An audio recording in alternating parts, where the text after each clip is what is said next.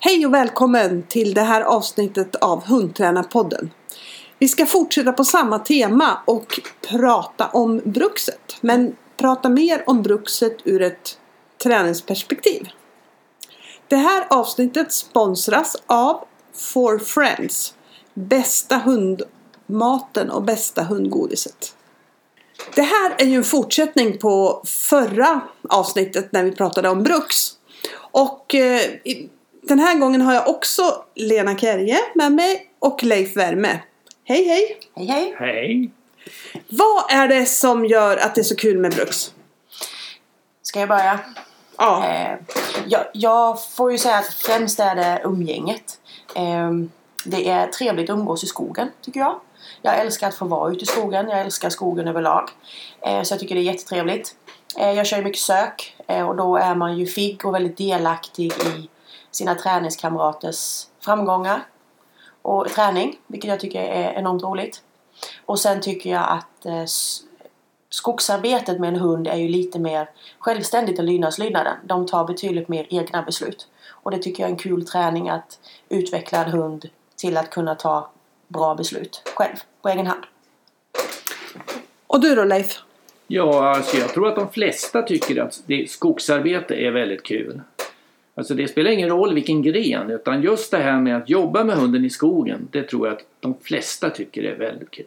Sen tycker jag också då om de moment som jag inte har i lydnadslydnaden. Det, det är att just det här att man får flexa över till någonting annat. Som skall, kryp och framåtsändandet. Mm. Ja, det kan jag också hålla med om. Det är lite andra moment. Vilka moment tycker ni är skojigast att träna på inom brukslydnaden? Ja, då är jag tillbaka till de här som jag säger då som är lite annorlunda. Jag har väldigt svårt för skall. Och då är det kul att träna det. Och sen har jag krypet. Det är faktiskt gått väldigt bra på den hund jag har nu. Men jag tycker det, det är lite annorlunda. Framåtsändaren tar ju aldrig slut. Det håller man på med i evighet och det blir aldrig klart. Men det, det är skoj. Ja, men jag håller med. Jag är väldigt förtjust. Jag kryper tycker jag också är kul. Men sen så tycker jag ju också att framåtsändandet är eh, väldigt roligt. Eh, ju Du gillar ju skall också har jag hört. Det gör jag också. Vi gillar ungefär samma tror jag. Ja. Eh, vad heter det? Men framåtsändaren tycker jag är kul för det är som du säger Leif, man blir liksom aldrig klar. Och efterhand som hunden utvecklas i momentet så stöter man på lite andra patrull. Eh, som man, ja, det, det händer mycket saker under det momentet efterhand som hunden blir säkrare i momentet. Och det är ju ett långt moment där hunden också där ska ta egna beslut eh, på vägens gång. Alltså så. så jag tycker att det är, ett, det är ett väldigt komplext moment som är väldigt kul att träna. Och det är ovanligt just det att hunden ska gå ner i fart utan kommando. I allt annat vi gör så ger vi ett kommando.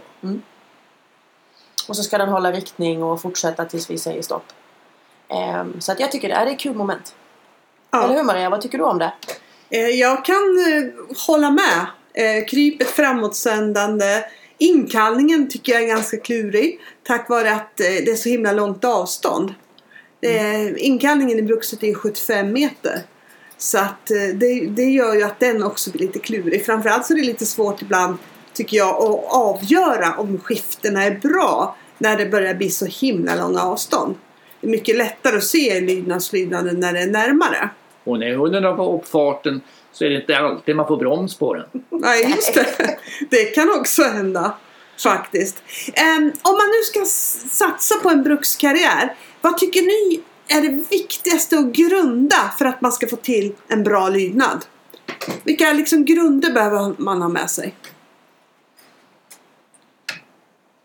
Det var svårt. Det är många bitar, eller hur Leif? Ja, nu är vi tillbaka till, är det lydnadsdelen eller skogsarbetet vi pratar om? Lydnadsdelen. Nu. Ska jag säga, jag, jag tycker inte att det är någon jättestor skillnad mellan lydnadslydnad och Lydnaden, alltså inlärningsmässigt av moment. Sen är det ju lite grann om vi tittar tävlingsmässigt så i lydnadslydnaden så är det ju så mycket detaljer om du vill upp på den högre nivån. Då tittar de ju på minsta lilla sak. Och du har en domare som till exempel i fria följet går efter dig hela tiden och titta på din hund exakt varje sekund. Eh, I brukslydnaden så slutar ju momenten lite tidigare till exempel. Så avsluten blir inte lika viktiga. Och där är det mer en helhet. Vi har också en hund som kanske har gått 1500 meter spår, en rapportsträcka eller sök innan vi kliver in på lydnadsplan. Vilket gör att vi ska komma ihåg att vi många gånger har en rätt så trött hund när vi går in. Till skillnad mot lydnadslydnaden där du själv bestämmer hur mycket du har värmt Ja. upp innan. Hur, vad ska man tänka då på när man grundar hunden så att hunden ska eh, klara det då? Jag tycker ju att det är en fördel att träna, om man har möjlighet att träna en hel dag och träna alla momenten. Och sen komma ihåg till exempel i, i framåtsändande till exempel så kanske man tycker att man har för mycket tryck på vissa ställen och då kanske man kanske har jättemycket tryck när man kör bara lydnaden en dag. Men har du kört brukset innan har en, förståelse för att då går det lite mer långsamt. Ehm, jag försöker i krypet, om jag tips till exempel, inte göra 90 graders vinklarna eh, till vänster och höger. Så jag rundar lite grann för att få ett flyt. För en trött hund tycker att det är jobbigt i svängarna och krypa för de är trötta i kroppen. Så att man har med sig lite det när man tränar att det här ska ju kunna funka även när hunden är trött.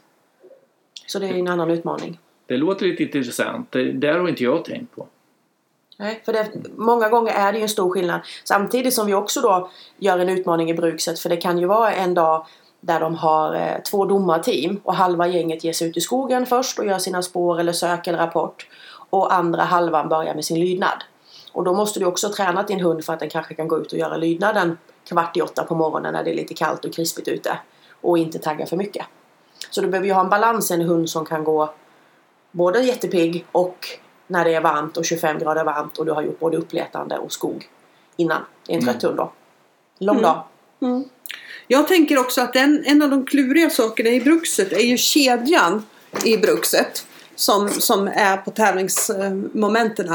Till exempel eh, man gör inkallningen. Eh, Då ska hunden ha väldigt hög aktivitet. Sen ska den gå från inkallningen till framåtsändande. Och då ska hunden först ha väldigt hög aktivitet.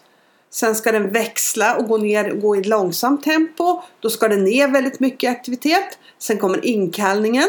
Då ska den upp mm, i aktivitet. Sen kommer, ehm, eh, sen kommer krypet. Och, och där ska också hunden vara ganska låg i aktivitet för att det ska bli bra. Och sen kommer skallet. Och där ska plötsligt hunden vara jättehög i aktivitet. Så, så jag tycker att eh, man behöver träna. I grundträningen för brukset så tänker jag att man behöver öva hunden väldigt mycket på att växla mellan upp och ner. Uppåt att hunden ska vara liksom väldigt på och ner att hunden ska vara väldigt fokuserad. Förstår ni hur jag menar? Ja. Jag, jag håller ju med om att en av de svåraste när, I lydnad pratar man mycket om att man länkar och kör och vi har mycket momentrutiner emellan och sådär. Och i brukset, en av de svåraste som finns överlag om både lydnadslydnad och brukset tycker jag är just inkallningen till framåtsändande. För då har de sprungit i full kadusa den här sträckan. Och sen säger vi duktig hund, ställer upp för framåtsändaren och så ska den bryta cirka 15 meter ifrån oss. I början har de ju en liten förmåga där att det är full fart genom gruppen. Och sen går det bättre på andra sträckan för då har poletten fallit ner. Så det är en bra länk att träna mycket. Men hur kan man lära hunden då att växla mellan ut och in? Eller mellan upp och ner snarare. Alltså när det kommer till framåtsändandet så försöker jag i tidigt stadium eh, lägga ihop inkallningen med utskicket. Eh, jag använder mig av target när jag kör lär brytpunkten på mina hundar. Och då kanske jag kör en inkallning och sen har jag lagt ut en target. Och det hjälper ju hunden då att springa ut de här 15 metrarna och få en hjälp så att påminna den om att du ska bryta av. Och sen successivt så gör jag det svårare att jag tar bort den där targeten sen, att den ska kunna komma ihåg. För det är ett rätt så vanligt problem för gemene man tror jag när de ger sig ut, i alla fall första gången de ska göra framåtsändande, att de missar brytpunkten. Ja. Om du har lite fart i dem så springer de bara på. Jag gör nog motsvarande grej men jag har ju ingen target utan i den punkten så säger jag stopp istället. Så att jag kör också inkallningen först innan jag provar framåtsändande. Så att inkallning, framåtsändande och när den då ska komma till brytpunkten så säger jag stopp istället och så försöker jag få hunden att gå sakta därifrån. Vad gör du Maria? Har du tänkt på det? Eh, jag tränar. Jag tänker så här att jag ska överträna på hunden, hunden på att skifta i aktivitetsnivå. Så att den är väldigt, väldigt, väldigt bra på det. Så till exempel om jag, jag kan försöka ge ett konkret exempel på det. Om jag ska träna saktagående så vill jag ganska fort komma till att jag kan träna att hunden kan gå eh, eh, långsamt framför mig efter att ha gjort någonting snabbt. Det, skulle, det kan till exempel vara att jag kastar tre, fyra godbitar som hunden får ta. Spring och ta, spring och ta, spring och ta! Och sen växlar över till ett gå. Så att jag försöker träna hunden mycket på att gå från det här aktiva till och, och, och kunna bli mer, mer fokuserad och, och lugn. Då. Och jag, jag tänker att man behöver överträna det här så man tränar på det väldigt, väldigt mycket. Så att det verkligen, verkligen sitter hos hunden. Sen tänker jag också som till exempel mellan krypet och skallet. Att jag har en väldigt tydlig momentrutin som får hunden upp i varv. Och, och, och det kan till exempel vara att när jag tar upp hunden från krypet får den hoppa. Låter jag den hoppa och flänga lite och till och med skälla till någon gång också innan jag tar in den vid sidan vid skall. För att den ska ha, liksom känna musklerna i kroppen. För känner den musklerna i kroppen så är det mycket lättare att skälla. Mm, helt rätt. Vad är klurigast eh, att få till på tävling då i brukslydnaden? Det är ju framåtsändandet. Eftersom det är så, så många saker i samma moment. Ja, Eh, så att det är ju där som alla får lite sämre betyg kan man säga. Eh, det är just att hunden ska tänka utan att jag ger ett kommando som jag tycker blir det svåra. Att få hunden att springa först, det är okej. Den kanske går ner i fart som mina gör, kanske går ner i fart. Då har jag tur. Det är just den där brytpunkten som jag tycker är svår. Vad tror ni att, att eh, vad är det som gör att det här är så svårt att få till? Är det att det är svårt för hunden? Eller är det att vi inte är så himla bra på att träna det här? En kombo kanske. Kanske man behöver tänka till ett steg till för just få dem att tänka mer själv. Ja, fast jag tycker också som det jag bara hörde du sa själv här nu eh, om det här momentet, hur man kunde träna det. Det fick mig en aha-upplevelse. Så det är mycket att man inte tränar rätt. Eh, Jag, jag tänker bara så här att när jag höll på med bruks, det, nu, nu ska vi komma ihåg att det här var många år sedan och det här kan ändra sig jättemycket. Men man såg på klubben då något som var väldigt vanligt att en del kom och tränade framåtsändande och de körde framsändande kanske 10-15 gånger. Sträcka 14 så fick de till ett bra framåtsändande och då var de nöjda. Nu och så pratar du om mig. Ja fast du var inte med på den tiden så, så ja, men okej. okej så, så jag tror många gånger att man kanske missar att få till det här på första och andra försöket.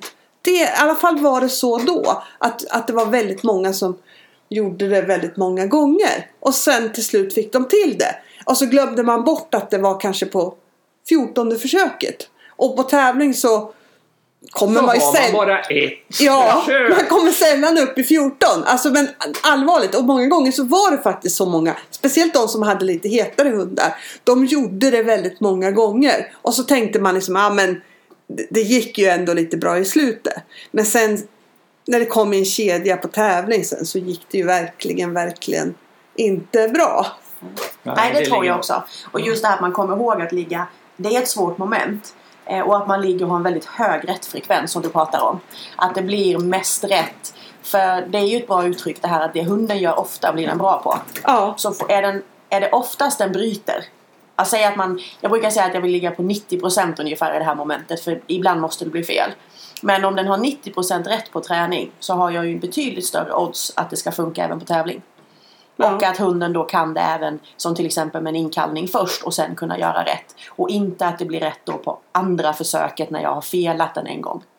Så att det behöver ju inte vara den fjortonde gången, det räcker ju att det är fel på andra försöket så har vi fortfarande inte lyckats på tävling. För vi har ju bara ett försök. Ja, och det här är ju kanske någonting som, som gäller för oss alla som tränar för tävling. Att det, det här är ju någonting som man kanske nästan alltid, alltid, alltid ska analysera det här. Vad gör jag för att få till det på första försöket?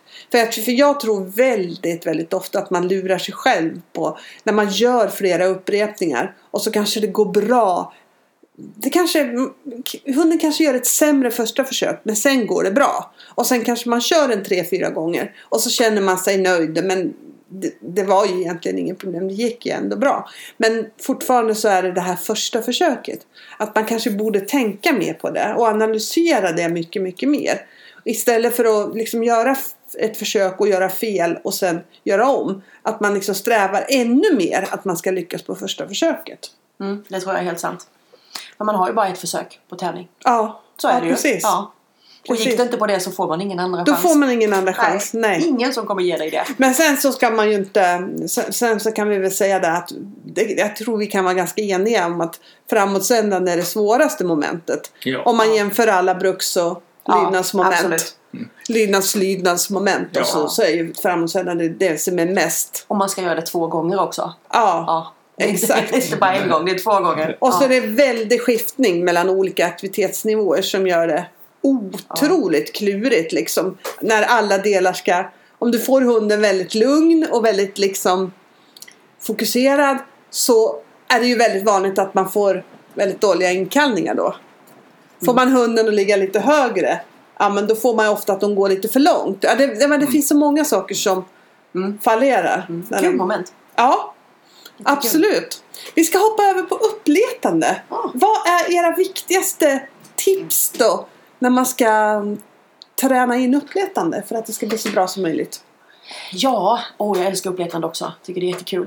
Eh, de, dels eh, att få hunden, i början vill jag att den, den spontant ska kunna eh, leta upp föremål och ha ett stort intresse. Eh, utan att jag egentligen driver på så mycket. Jag säger inte så mycket i början när jag börjar med mina hundar. Jag vill att de lite själva ska klura ut att de ska hämta de här grejerna som jag har lagt ut. Eh, jag vill ha mycket självständigt där också. Eh, för de ska ju leta av rutan i stort sett själv. Utan min styrning. Ehm, jag tycker det är smart att inte börja skicka sin hund och säga leta och börja skicka om om den inte hittar. Utan då går jag bara ut. Eh, för att, att min hund ska ha något annat än fyra skick på en tävling vill jag inte. För min hund ska aldrig komma in och fråga mig om hjälp. Utan den behöver leta. Sen kan jag plocka in den och skicka om om jag vill. Men den ska inte komma in och be om min hjälp. Och sen att man eh, tränar i mycket olika terräng i början.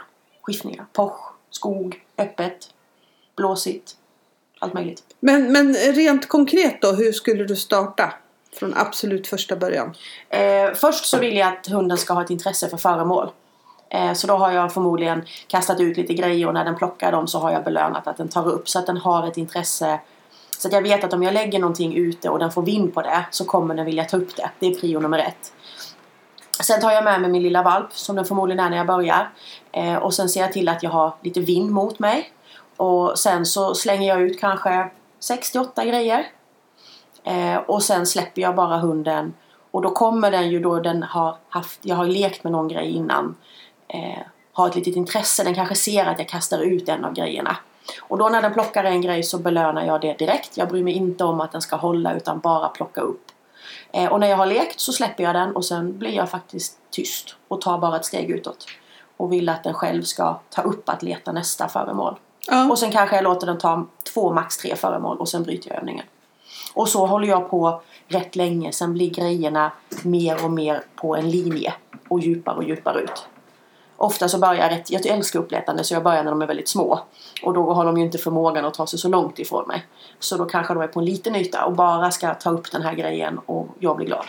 Det är det viktigaste i början. ja. Intresset. Vad tänker du Leif? Ja, jag börjar nog lite annorlunda kanske. Jag lägger, lägger ut föremålen där hunden får se att jag lägger ut dem. Så jag binder upp hunden. Och sen lägger jag ut till exempel fyra föremål. Den första kanske ligger bara ut från stigen 10 meter ut. Nästa 15, tredje 20 och 25 meter kanske den fjärde. De här är en bit ifrån varandra. Hunden ser att jag lägger ut dem. Och sen ser jag till att jag hela tiden siktar emot de här som jag nu har lagt ut. Så jag tar den lättaste först.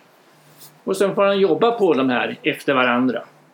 Och det är kanske är en yta som, som är 50-60 meter brett då jag jobbar på. Jag bryr mig inte om det är 50 gånger 50 i det här läget. Utan det är bara det. Och så jublar jag också när de får dem, när han tar in den här prylen som jag lagt ut. Och det är oftast leksaker där jag börjar med. Efter det så kan jag köra linje istället. Det går jag ut och slänger ut fyra föremål i en rak linje. Och så går jag tillbaka, samma linje. Den, det jag slängt ut, det ligger nära själva linjen när jag startar. Och sen när jag har kört några gånger så kommer jag slänga dem längre längre ifrån den här linjen. Men det är bara en rak punkt ut till den som ligger längst ut. Och så försöker jag få hunden att ta de här fyra föremålen till exempel som jag lagt ut. Så jag gör ingen ruta när jag startar. Vad tänker du vidare sen då Lena? Hur, hur fortsätter man? Hur ska man fortsätta tänka med uppletandet? Eh, när, när, hunden börjar förstå det här, eh, att den ska leta, så gör jag uppletandet mer och mer avancerat. Det är svårare terränger, eh, lära sig leta längre, jobba lite självständigt och så. Eh, sen så delar jag mycket på, delar upp det i två delar. En del är själva letandet i skogen och det andra är avlämningarna. Jag vill ha snabba eh, snygga avlämningar. Vi vet alla att sekunder kan räknas i uppletandet på en tävling. Ja. Så jag vill att avlämningarna ska gå väldigt, väldigt fort. Eh, så jag tränar det här helt separat. Och då går jag också och tränar att de ska hålla, kunna hålla och inte tugga för mycket. Så den biten gör jag helt vid sidan om. Och sen när jag kör skogsarbetet så när hunden kommer så belönar jag den i farten. Så den gör inga avlämningar i början utan då tränar jag bara sökarbetet. För att jag har hunden jobbat jättefint och gjort ett bra sökarbete så vill jag inte riskera att jag blir missnöjd med avlämningen och det är den känslan jag förmedlar till hunden när den har gjort ett jättebra jobb. Utan då ska avlämningarna sitta innan jag lägger in det ihop med själva sök avsökningen. Ja. Mm. Vad tänker du Leif? Jag gör nog likadant, att jag lägger det på sidan om. Men jag tränar rätt så mycket att hunden ska kunna ta olika föremål i munnen och inte tugga. Och jag tror inte ens att den röser så mycket utan den får ta det och bara lämna ifrån sig det på kanske en meters avstånd. Ja. Det är så jag börjar. Ja det gör jag också. Bara lyfta nära. Och mina avlämningar i början är på en meters avstånd. Så att det ligger flera saker framför. De får hämta en, lämna, gå ut och hämta nästa. Och sen länger jag det avståndet efterhand. Men de behöver kunna, precis som du säger Leif, kunna det nära först. Mm. Innan jag lägger in det. Och, innan jag, och då är jag på en gräsmatta och gör det här. Ja. Mm, inte i skogen. Eh, många har ju problem med eh, uthålligheten i uppletande. Eh, maxtiden på uppletande är fem minuter så, så det är ju egentligen en ganska kort tid som förhållandevis som hunden ska leta. Men eh, vad tror ni att det beror på att, att hyfsat många har problem med att få hunden att orka leta de här fem minuterna? Ja, jag tror, ja det är svårt att säga. Dels så har du lite med vilken hund du har. Jag har ju två olika hundar. Eh, och min kocker är ju en hund jag aldrig behöver motivera att göra ett sökarbete. Eh, för han tycker ju att själva sökarbetet är vinsten i det hela. Inte de belöningarna jag ger han. Eh, och han är ju avlad i flera eh, jättelänge, lång tid så är de avlade för att göra just sökarbetet. Men om jag tittar på min working kelpie så får jag ju arbeta mer med att han ska vara motiverad. Han är ju en vallhund, inte en sökhund. Eh, och jag tycker mycket, dels att lära dem eh, att successivt jobba mer och mer. På en tävling tycker jag generellt har jag haft det så att jag hittar tre föremål rätt så fort. Och sen det här fjärde föremålet kan ju ta några minuter innan man hittar. Ja. Man kanske hittar de första på en och en halv minut eller knappt två. Och sen tar det två minuter innan man hittar nästa. Så det försöker jag få in att det kan bli att de får jobba längre tid. Men då vill jag planera det. Det kanske är bara jag och min hund i skogen. Att jag börjar successivt lära. Men främst i början att den har en hög motivation att leta. Så att jag lägger höga belöningar i början på att han hittar de här grejerna så att det har ett högt värde för honom. Ja. Så att jag liksom inte, och jag låter han inte gå ner i början. Och sen försöker jag också genom att jag har lagt mycket tid på mina avlämningar så tycker ju han och jag att det är lite fränt med avlämningarna. Så han tycker att, han vet ju om att när han kommer in och lämnar och sticker iväg kvickt så tycker han att det är lite häftigt. För det är ju någonting vi har gjort så mycket, det har blivit en del i det hela. Så jag upplever att genom att ha bra avlämningar där det inte blir något tjafs utan det är bara flyt och hunden vet att wow, nu var jag duktig. Så höjer det också och hjälper att hunden lär sig att jobba lite längre. Ja. Jag gör nog så att eh, jag försöker träna upp väldigt snabbt eh, så att hunden letar flera föremål. Alltså till exempel att fem eller sex föremål. Och då ser jag till att eh, de första föremålen han tar in, de fyra första som motsvarar en tävling, där vill jag helst inte ge en belöning. Utan belöningen kommer på de resterande sen. Så att hunden vet att den kommer sen. Den kommer sen ska den tänka. Ja, Den belöningen. att den inte blir van att få belöning efter precis varje föremål alltid. Nej. Och jag vet ju Maria att du pratar mycket om uthållighet i allt man gör på sin hund och tänker mycket själv på det. Ja. Ja, vad har du tänkt runt det här? För det är ju som du säger det här just att det kan ju ta ibland att hunden får jobba tre minuter tomt. Ja, jag tränar faktiskt lite, med, eh, lite medvetet på det.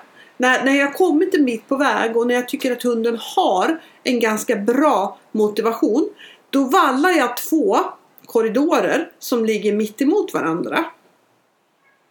Eh, och så kan den första korridoren vara... Då kan jag skicka hunden på den första korridoren och så kan den få ta två föremål där. Sen kan jag skicka över hunden till den andra korridoren. Och den ligger inga föremål i. Den är tom. Och så sätter jag en timer. Och så bestämmer jag mig för nu ska jag låta hunden leta här i kanske... Är det absolut i början så kan det vara mellan 30 sekunder och en minut. Har hunden kommit en bra bit längre så kan det vara kanske mellan 5 och 10 minuter. Men då må, ju, då, då må jag vara säker på att hunden klarar det. Utan, och då har jag tränat här ganska mycket.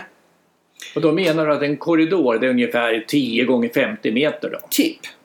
Någonting sånt. Så har Och det, det skulle kunna... Det, det optimala vore ju att det vore två rutor tycker jag. För jag, jag tycker hel, mest om att köra hela rutor. Ja. Men av praktiska skäl så kommer man inte alltid att valla två hela rutor. Speciellt inte om man tränar ensam. Sen brukar jag i nästa korridor lägga ett lite större jätteroligt föremål. Ibland en fotboll. Faktiskt.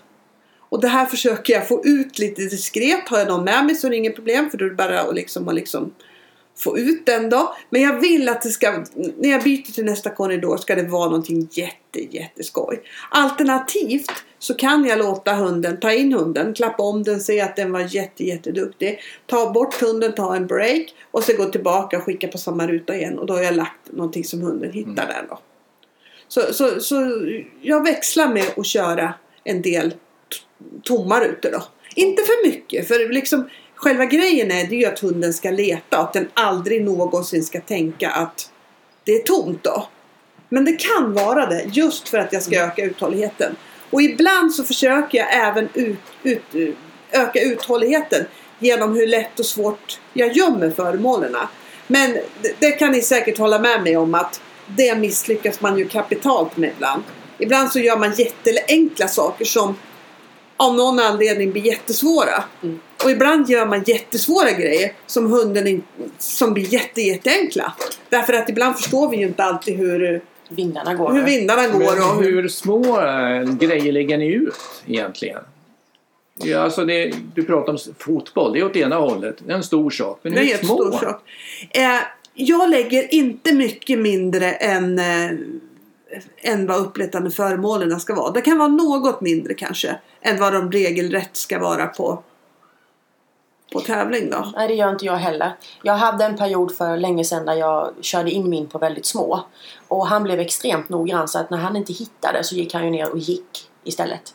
Så jag fick ju motsatt effekt vad jag önskade. Han blev jättenoggrann och tempot blev långsamt. Eh, Så att jag håller också lite mer vanliga. För man vill ju ha ett rätt okej tempo och de är ju oftast i rätt vettig storlek på en tävling. De har ju en gräns på hur små de får vara. Men jag hade nog lite problem med min hund i början. Att den alltså hade svårt just med uppletande. Och då körde jag med väldigt små föremål en stund. Eh, bara för att han skulle vara noggrannare. Ja, Eh, men jag använde inte heller då 50-rutan utan jag hade väl ungefär din korridor 10 gånger 50 ja, Och så la jag ut väldigt små föremål som man då fick leta upp och så fick belöning för det. Då. Har man en hund som är väldigt het och springer väldigt fort eh, och är motiverad att hitta föremålen så tror jag att det kan hjälpa. Man får ju ta en bedömning. Alla saker funkar ju inte på alla hundar. Nej. Så. Så att, och jag tror att även på den hunden jag har idag om jag la för må så skulle han bli väldigt noggrann. Eh, och då dra ner på tempot. Tror jag. Mm. Så det är, det är ju så kanske med all annan träning. Man får pröva sig fram lite och se vad som, vad som funkar och vad som passar. Tänker jag. Nu hoppar jag över lite till brukslydnaden igen. Eh, en sak som är, som är speciellt mot eh, faktiskt de flesta andra grenar det är ju skotterna som förekommer i brukset. Hur, hur tänker ni när ni tränar in skotterna? Alltså, jag börjar redan när hunden är valp. Och då tränar jag på så vis att jag åker ner till klubben när det är skotträning. Och sen kanske jag går i skogen med hunden. I närheten utav platsen. Men det är ju ungefär så jag börjar. Så kommer jag närmare och närmare. Och jag försöker bara få hunden trygg där den är. Den kan stå, sitta eller ligga. Det spelar inte så stor roll. Men bara den är trygg. Då blir jag nöjd och då känner hunden att det här funkar mycket, mycket bättre. Mm. Jag måste säga att jag gör likadant. Jag är oftast eh, lite sent ute och börjar träna eh, skotten. Eh, man ser ju oftast lite grann om man har en hund som är berörd eller inte av ljud. Eh, så det brukar jag se till att ha lite koll på innan jag ger mig iväg. Men jag gör precis som dig Leif. Jag går i skogen runt. Eh, och sen ser jag till att har jag en hund som är helt skottfast själv. Som jag hade min gamla Nisse innan som han lyfte inte ett öra. Då tog jag med honom. Annars gick jag själv med den här hunden. Och såg till att jag inte reagerade. Eh, och sen går man en liten promenad och så går man närmare och närmare och närmare. Utan att göra någon större grej av det. Och sen lär jag även mina hundar att jag säger ett ord. Som talar om att nu är det skott. För att de ska veta. Så då när jag börjar komma närmare plan så ser man ju oftast när skytten ska skjuta av. För då höjer de handen. Och då säger jag det här ordet till exempel. Nu säger det pang eller bom. Eh, för att de ska lära sig att när jag talar om det så kommer det komma skott. För vissa gruppmoment är utan och vissa är med. Ja, jag säger också pang. Ja, det är Ja. lite bra när man har... Jag har ju valt raser som är, eller en ras som är lite känslig för ljud ibland. Så då behöver man vara lite försiktig. Hur gör ni de första gångerna när ni lägger hunden då? Eh, då har jag flyttat mig närmare plan och sen så lägger jag hunden själv i början. Eh, och sen är jag lite försiktig med vilka andra hundar jag lägger med. Jag vill lägga med hundar jag vet ligger och hundar som inte är oroliga runt skotten. Så är det någon som har någon skottberördhet eh, så är jag lite egoistisk och försöker undvika att lägga med den, i alla fall med min unga hund. Den äldre sen kan jag lägga Ja. när den är trygg.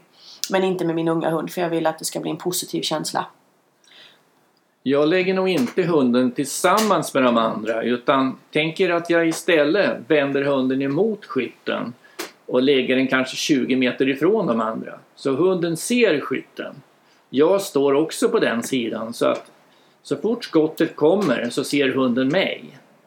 Den tittar bara rakt fram och ser fortfarande mig men skytten är ju åt samma håll då. Så tror jag jag börjar. Och sen går jag fram och belönar hunden. Det gör jag väldigt, väldigt sakta och lugnt med en korvbit. Går jag tillbaka så kommer ju ett nytt skott och gör likadant. Men jag försöker inte gå fram just vid skottet utan jag väntar en stund. Ja. Det gör jag likadant också. Jag vill inte belöna upp för mycket förväntan runt skotten. Det kan ju gå åt andra hållet att de får förväntan. Vissa leker ju i samband med skotten. Och då får de ju en aktivitetshöjning när de hör skotten. ja. Jag vill bara att man ligger still. På brukset gör det ju ingenting att de kanske tittar över rumpan eller sådär på gruppmoment. Så hellre att de är lugna och ligger still och vet Ja. att nu händer det ingenting. Nu har vi ju kört lite uppletande och lite brukslydnad. Men nu behöver vi, vi ju ett bruksmoment också. Eh, när man ska välja bruksmoment då, vad, vad, vad, hur tycker ni att man gör då? Ska man pröva de olika bruksgrenarna eller hur, hur hittar man sin bruksgren? Alltså det, det är klart att det är bäst att, att man får prova allihopa om man har den möjligheten. Jag fick inte den möjligheten att det fanns ju bara en plats för mig och då blev det sök. Då blev det, ja. Ja. Men om man säger det, det verkar ju som att de flesta utgår ifrån spår. Och det jag har lärt mig på spår, det är ungefär som att jag har gått en böj och jag har lagt lite godis i den här böjen och så lägger jag några leksaker och så har jag fått hunden att gått med ett koppel där framför det här. Och det har fungerat. Men mer kan jag inte om spår. Nej, nej. Vad tänker du om sök då? Liksom, om man ska börja träna sök. Vad är det viktigaste att starta med? Alltså det är så många delar. Eh, jag skulle ju tänka så här att först och främst måste ju hunden tycka att det är kul att leka med en person. Så att det räcker egentligen med att skicka hunden på en stig mot en person som antingen ger godis eller en leksak, helst leksak. Men den ska lära sig in på bägge sakerna tycker jag. Eh, så börjar jag nog. Mm. Vad tänker du? Ja, jag tänker också det. Eh, Att figurantintresset är det viktigaste. eh, i första hand. Vad är figurantintresse då? Att jag vill att innan jag börjar tänka att jag ska träna sök så om min hund får syn på en, en, en människa i skogen så ska de tänka tjoho vad kul i första hand. Eh, sen finns det ju vissa hundar som är mer reserverade mot folk och då får man ju Eh, kanske jobba med det på lite olika sätt beroende på hur hunden är. Men har du en hund som är normalt social och sådär. Eh, och jag är ju som Leif, jag tycker att leken är i första hand. Eh, det ger en, en högre aktivitet och jag tycker att en bra lek är den bästa belöningen. Så då i början så ska min eh, lilla hund bara leka med folk på olika ställen. Sen kanske den människan, han ser hur den människan försvinner bakom en gran eller under ett skynke i början men att hunden ser det och får springa dit. Så att den dagen hunden får kanske göra en vindövning eller liknande så vet jag att när den väl hittar så blir den glad. Den vet vad den ska göra när den hittar. Det tycker jag är viktigast. Ja, jag håller helt med. Det, är ju, det försöker jag tänka med lilla Elsa nu också. Att, både att hon ska bli glad när hon hittar folk men också, också att, att hon vet hur hon ska leka med figuranterna. För det är mycket lättare för figuranten att leka om hunden har lärt sig leka på ett bra sätt.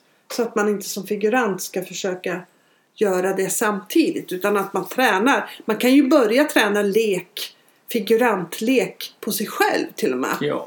Och sen eh, bara träna på massor med, eller inte massor med olika människor, det, det är nog fel att säga. Utan träna på de träningskompisar man har som är väldigt duktiga på att leka. För Mm. de är de, kanske de som är bäst att lägga en grund för. Ja det tycker jag också och jag har ju själv haft en hund nu som har varit lite reserverad så jag fick ju lägga om leken lite på honom efter ett tag. Ehm, och då gjorde jag så, jag började och byggde om leken själv på mig. Eh, så som jag tänkte att det här funkar bra och sen flyttade jag över det på figuranter som, som jag vet är väldigt duktiga på att leka och som han var trygg med. Ehm, och sen successivt har jag fört över det här på andra så att jag kan ju tala om precis hur jag vill. För jag vill att han ska veta vad som händer när han kommer fram. Ja. Och jag tycker ofta att man ska tänka på just den här biten att, som du sa här, att man kan ju träna hur ska leken se ut först med mig. Och sen flyttar jag över på andra människor för att se, funkar den här leken även när jag blandar in andra människor? Och en sån grej som, som är smart att tänka på då det är ju att hunden inte sticker undan med föremålen.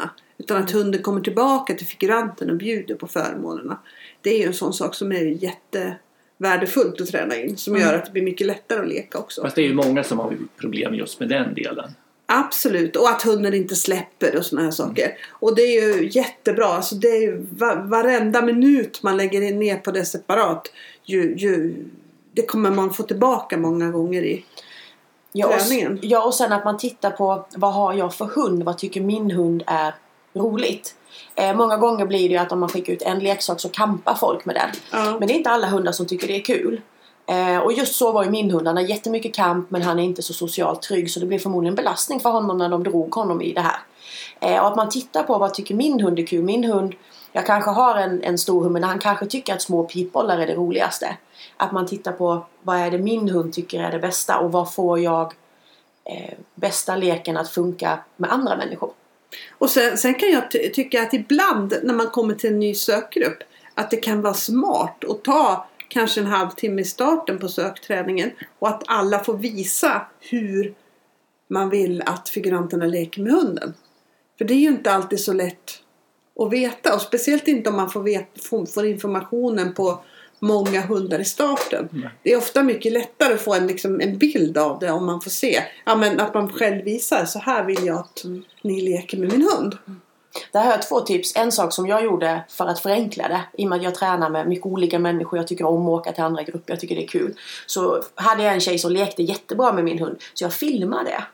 Så att när jag skulle lämna över på stigen så fick de ta min telefon och så fick alla titta på den här filmen. Att så här ska ni leka med min hund. Då blir det ju väldigt konkret. Eh, och jag är ju alltid med ut. Idag har jag påvisat jag är alltid med ut. Men även när jag hade hittat. Eh, och jag tycker att man ska våga säga till den som leker att du skulle kunna göra så här.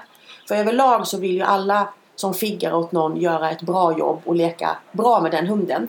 Men det är ju väldigt svårt att vara den perfekta figgen till alla hundar.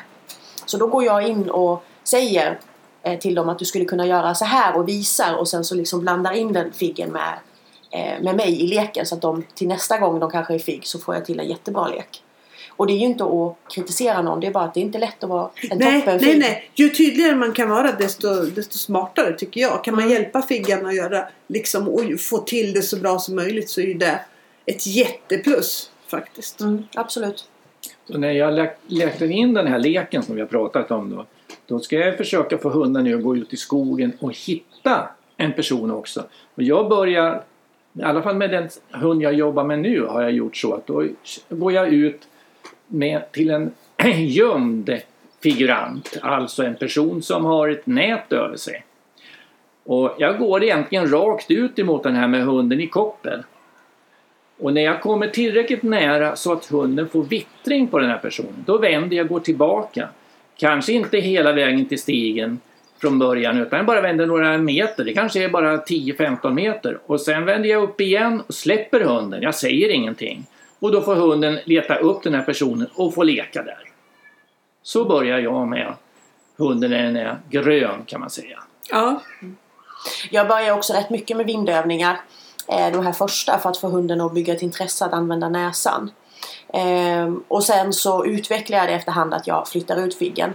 Men eh, på mina kamrater jag tränar med nu som har lite unga hundar så har vi även börjat med att vi vallar ut figuranten. Så vi går hela gänget ut och så lämnar vi en och så går tillbaka och skickar. Eh, och Kan jag, du förklara det lite mer hur du tänker? då, då är hela gruppen med och sen vallar man som en korridor så alla i, som är med på stigen går ut. Eh, och sen lämnar man en figurant där ute. Det är ju som en typ av utplantering. Så hunden ser att man lämnar en där Och ute. så hunden ser ett ben kvar. Hunden Ja. ser, i alla fall i början så ser Ja. de att det är. Och sen så att man säger titta busen eller om man har något ord för det här. Eller titta gubben eller något. Eh, och sen så går ju alla utom den man har lämnat kvar tillbaka. Och då är den ju kvar där ute och har gömt sig. Och så går man tillbaka hela vägen till starten. Eller till stigen. Och så vänder man om och så skickar man hunden. Så så har vi kört en del. Det är några unga hundar i vår grupp som har gjort nu och det har funkat jättebra. Eh, och det tycker jag är, för om man kör vindövningar, eh, vilket jag gör mycket och jag tycker är jättebra, eh, så finns det ju en svårighet om det inte är någon vind. Eh, många säger ju att man ska starta med spåret. Eh, vad tänker ni om det? Måste man starta med spår eller ska man, kan man lika gärna starta med sök? Jag har väl bevis på att det går att starta med sök eftersom det faktiskt gått rätt så bra för Kiwi och mig då. Efter Ja. vi kom upp till SM-nivå. Men du har ju inte kört något spår så du vet Nej. inte hur spåret ska precis. Alltså jag, jag säger så här att det finns ju många anledningar till varför man ska börja med ena eller det andra. Eh, men jag tycker det är kul att kunna börja med det jag vill börja. Eh, jag har börjat nästan alla mina unghundar så börjar jag med spår och sök samtidigt. Eh, och jag har inte upplevt några problem i söket eller spåret på grund av det. Utan de har blivit duktiga på, på båda delarna. Och jag tycker nog bara att det är viktigt att man är lite eh, bra momentrutiner och lite sådär. Det är kul att kunna göra allt med sin hund. Ja, jag tänker nog lite samma sak. Att jag, jag startar också med det som, som jag har lust med. Och ofta så startar jag egentligen alla tre. Uppletande, spår och sök. Det startar jag lite samtidigt. Men också har olika rutiner för hur jag startar det. Och så är noga att hunden gör det jag vill. Till exempel när den söker att den, att den går med hög näsa. Att den spårar när den går med låg näsa. Och, Men hur startar du med träningen på spåret då? Eh, det gör jag faktiskt på, på, på lite olika sätt. Det beror ju lite på, tänker jag, vad, hur du vill, liksom rent tekniskt, att hunden ska spåra, tänker jag. Vill jag att den ska spåra med väldigt låg näsa och väldigt noggrant så spårar jag gärna på eh, hårda underlag eller lite torrare underlag och lägger godis i fotspåren. När du säger hårda, är det grus eller asfalt? Vad, vad Ja, man grus eller asfalt. Typ. Eller i skogen där det är väldigt lite vegetation. Ett perfekt ställe att träna sådana spår på är faktiskt på, på Öland. Där jag, vi har våran stuga på Alvaret. För där är det väldigt lite vegetation. Men väldigt mycket sten och eh, grus och ja, jag vet inte mer vad man, man, man säger att det är men det är väldigt, på, på många områden är det väldigt, väldigt lite vegetation. Så att det är klurigt att spåra där. Men, men jättebra som, som bra ställe att starta på då. Kan jag tänka mig att det är en bra start. Det Så- låter svårt. Ja, det är svårt, det är svårt där. Absolut, och speciellt där blåser det ofta väldigt mycket också. Så det gör ju också att det blir lite mer klurigt då. Eh, ska jag träna för bruksspåren bara så, så kan jag tänka mig att starta med att jag egentligen bara går ett spår och så låter hunden spontant plocka upp det. om, om, om, om eh, jag tänker att liksom, det, det inte behöver vara så jättemycket superbra precision i spåren. För i, i de spåren som är på bruxet då är det ju egentligen inte så himla viktigt exakt hur hunden spårar. Utan där är det ju viktigt att hunden får med sig föremålen. För det är ju det som du får betyg på. Mm. Så där behöver man ju egentligen en hund som är liksom väldigt duktig på att och, och söka föremålen samtidigt som den spårar. Har du några tips på hur man får? För det här hitta pinnarna vet ju vi alla som har tävlat spår att de är viktiga. De vill vi ha in. Har du några tips på att, för att få ett högt intresse på pinnarna? Alltså tränare ganska mycket separat. Se till att hunden tycker verkligen mycket om att plocka upp föremål i starten. Ja. Eh, på träningen. Och, och plocka ut det helt och hållet så att du gör det så du kanske går ett pyttekort spår och sen har en grej. Och, och jag lägger ofta ganska få föremål i spåren. Därför att det är mycket enklare att bygga upp ett stort intresse om man kanske bara belönar en till tre gånger i spåret. Mot om du kanske lägger 8-10 föremål så tycker jag att det är svårt att hålla samma engagemang i, i alla belöningar. Så då försöker jag lägga ganska få och lägger ganska mycket tid på dem. Där tycker jag det är en skillnad mellan spåret och söket är ju att när du tävlar spår så belönar ju de flesta av oss i spåret. Och man blir ju genuint lycklig när man ja. hittar en pinne eh, på en tävling. Eh, så jag har ju märkt att de spårtävlingar jag har gjort med mina hundar, att de höjs ju nästan av tävlingsspåret. För att jag blir så glad för varje pinne. Ja. Till skillnad mot söket då, där vi pratade tidigare om att det är ett väldigt långt eh, tid de ska gå utan belöning. Det är en rätt så stor skillnad på, på de grenarna tycker jag. Ja. Nu vill jag höra ert roligaste bruksminne innan vi slutar. Åh herregud, det finns många. Gud vad mycket kul jag har haft. Alltså jag, jag vet inte, det finns ju tusentals eh, stunder man har suttit och fikat. Eh, när jag tittar ner på Nisse på ett av Lynas SMN och pussar på honom och säger Vet du Nisse, vi tävlar SM. Den glädjen jag kände den stunden. Allt från att när man tränar sin egen hund och man känner att gud, vi har gjort ett framsteg. Alltså hundlivet ger en så mycket glädje och så mycket fantastiska minnen och alla människor man träffar. Eller hur Leif? Ja, när man på en stor tävling får en domare säga vilket uppletande, jag har aldrig sett något så bra. Då är det kul. Jag tror att vi alla som har kört bruks har en massa kul och spännande minnen eftersom bruksträning är så himla socialt på många sätt. Man ofta tränar med andra och åker runt hela Sverige och tränar och åker på en massa olika läger hit och dit och fram och tillbaka. Så det händer mycket, mycket kul i brukset och jag hoppas att det är några som har fått lite inspiration och lust att träna lite bruks och i så fall önskar massa lycka till med träningen. Och jag vill tacka Lena och Leif för att ni har varit med och bidragit med massa goda idéer och tankar. Tack själv. Och önskar er välkomna tillbaka vid annat tillfälle. Och vi på Hundtränarpodden tackar för att ni har lyssnat även på detta avsnitt. Och vi sponsras av Lupus och 4Friends. Bästa hundfodret och hundgodiset.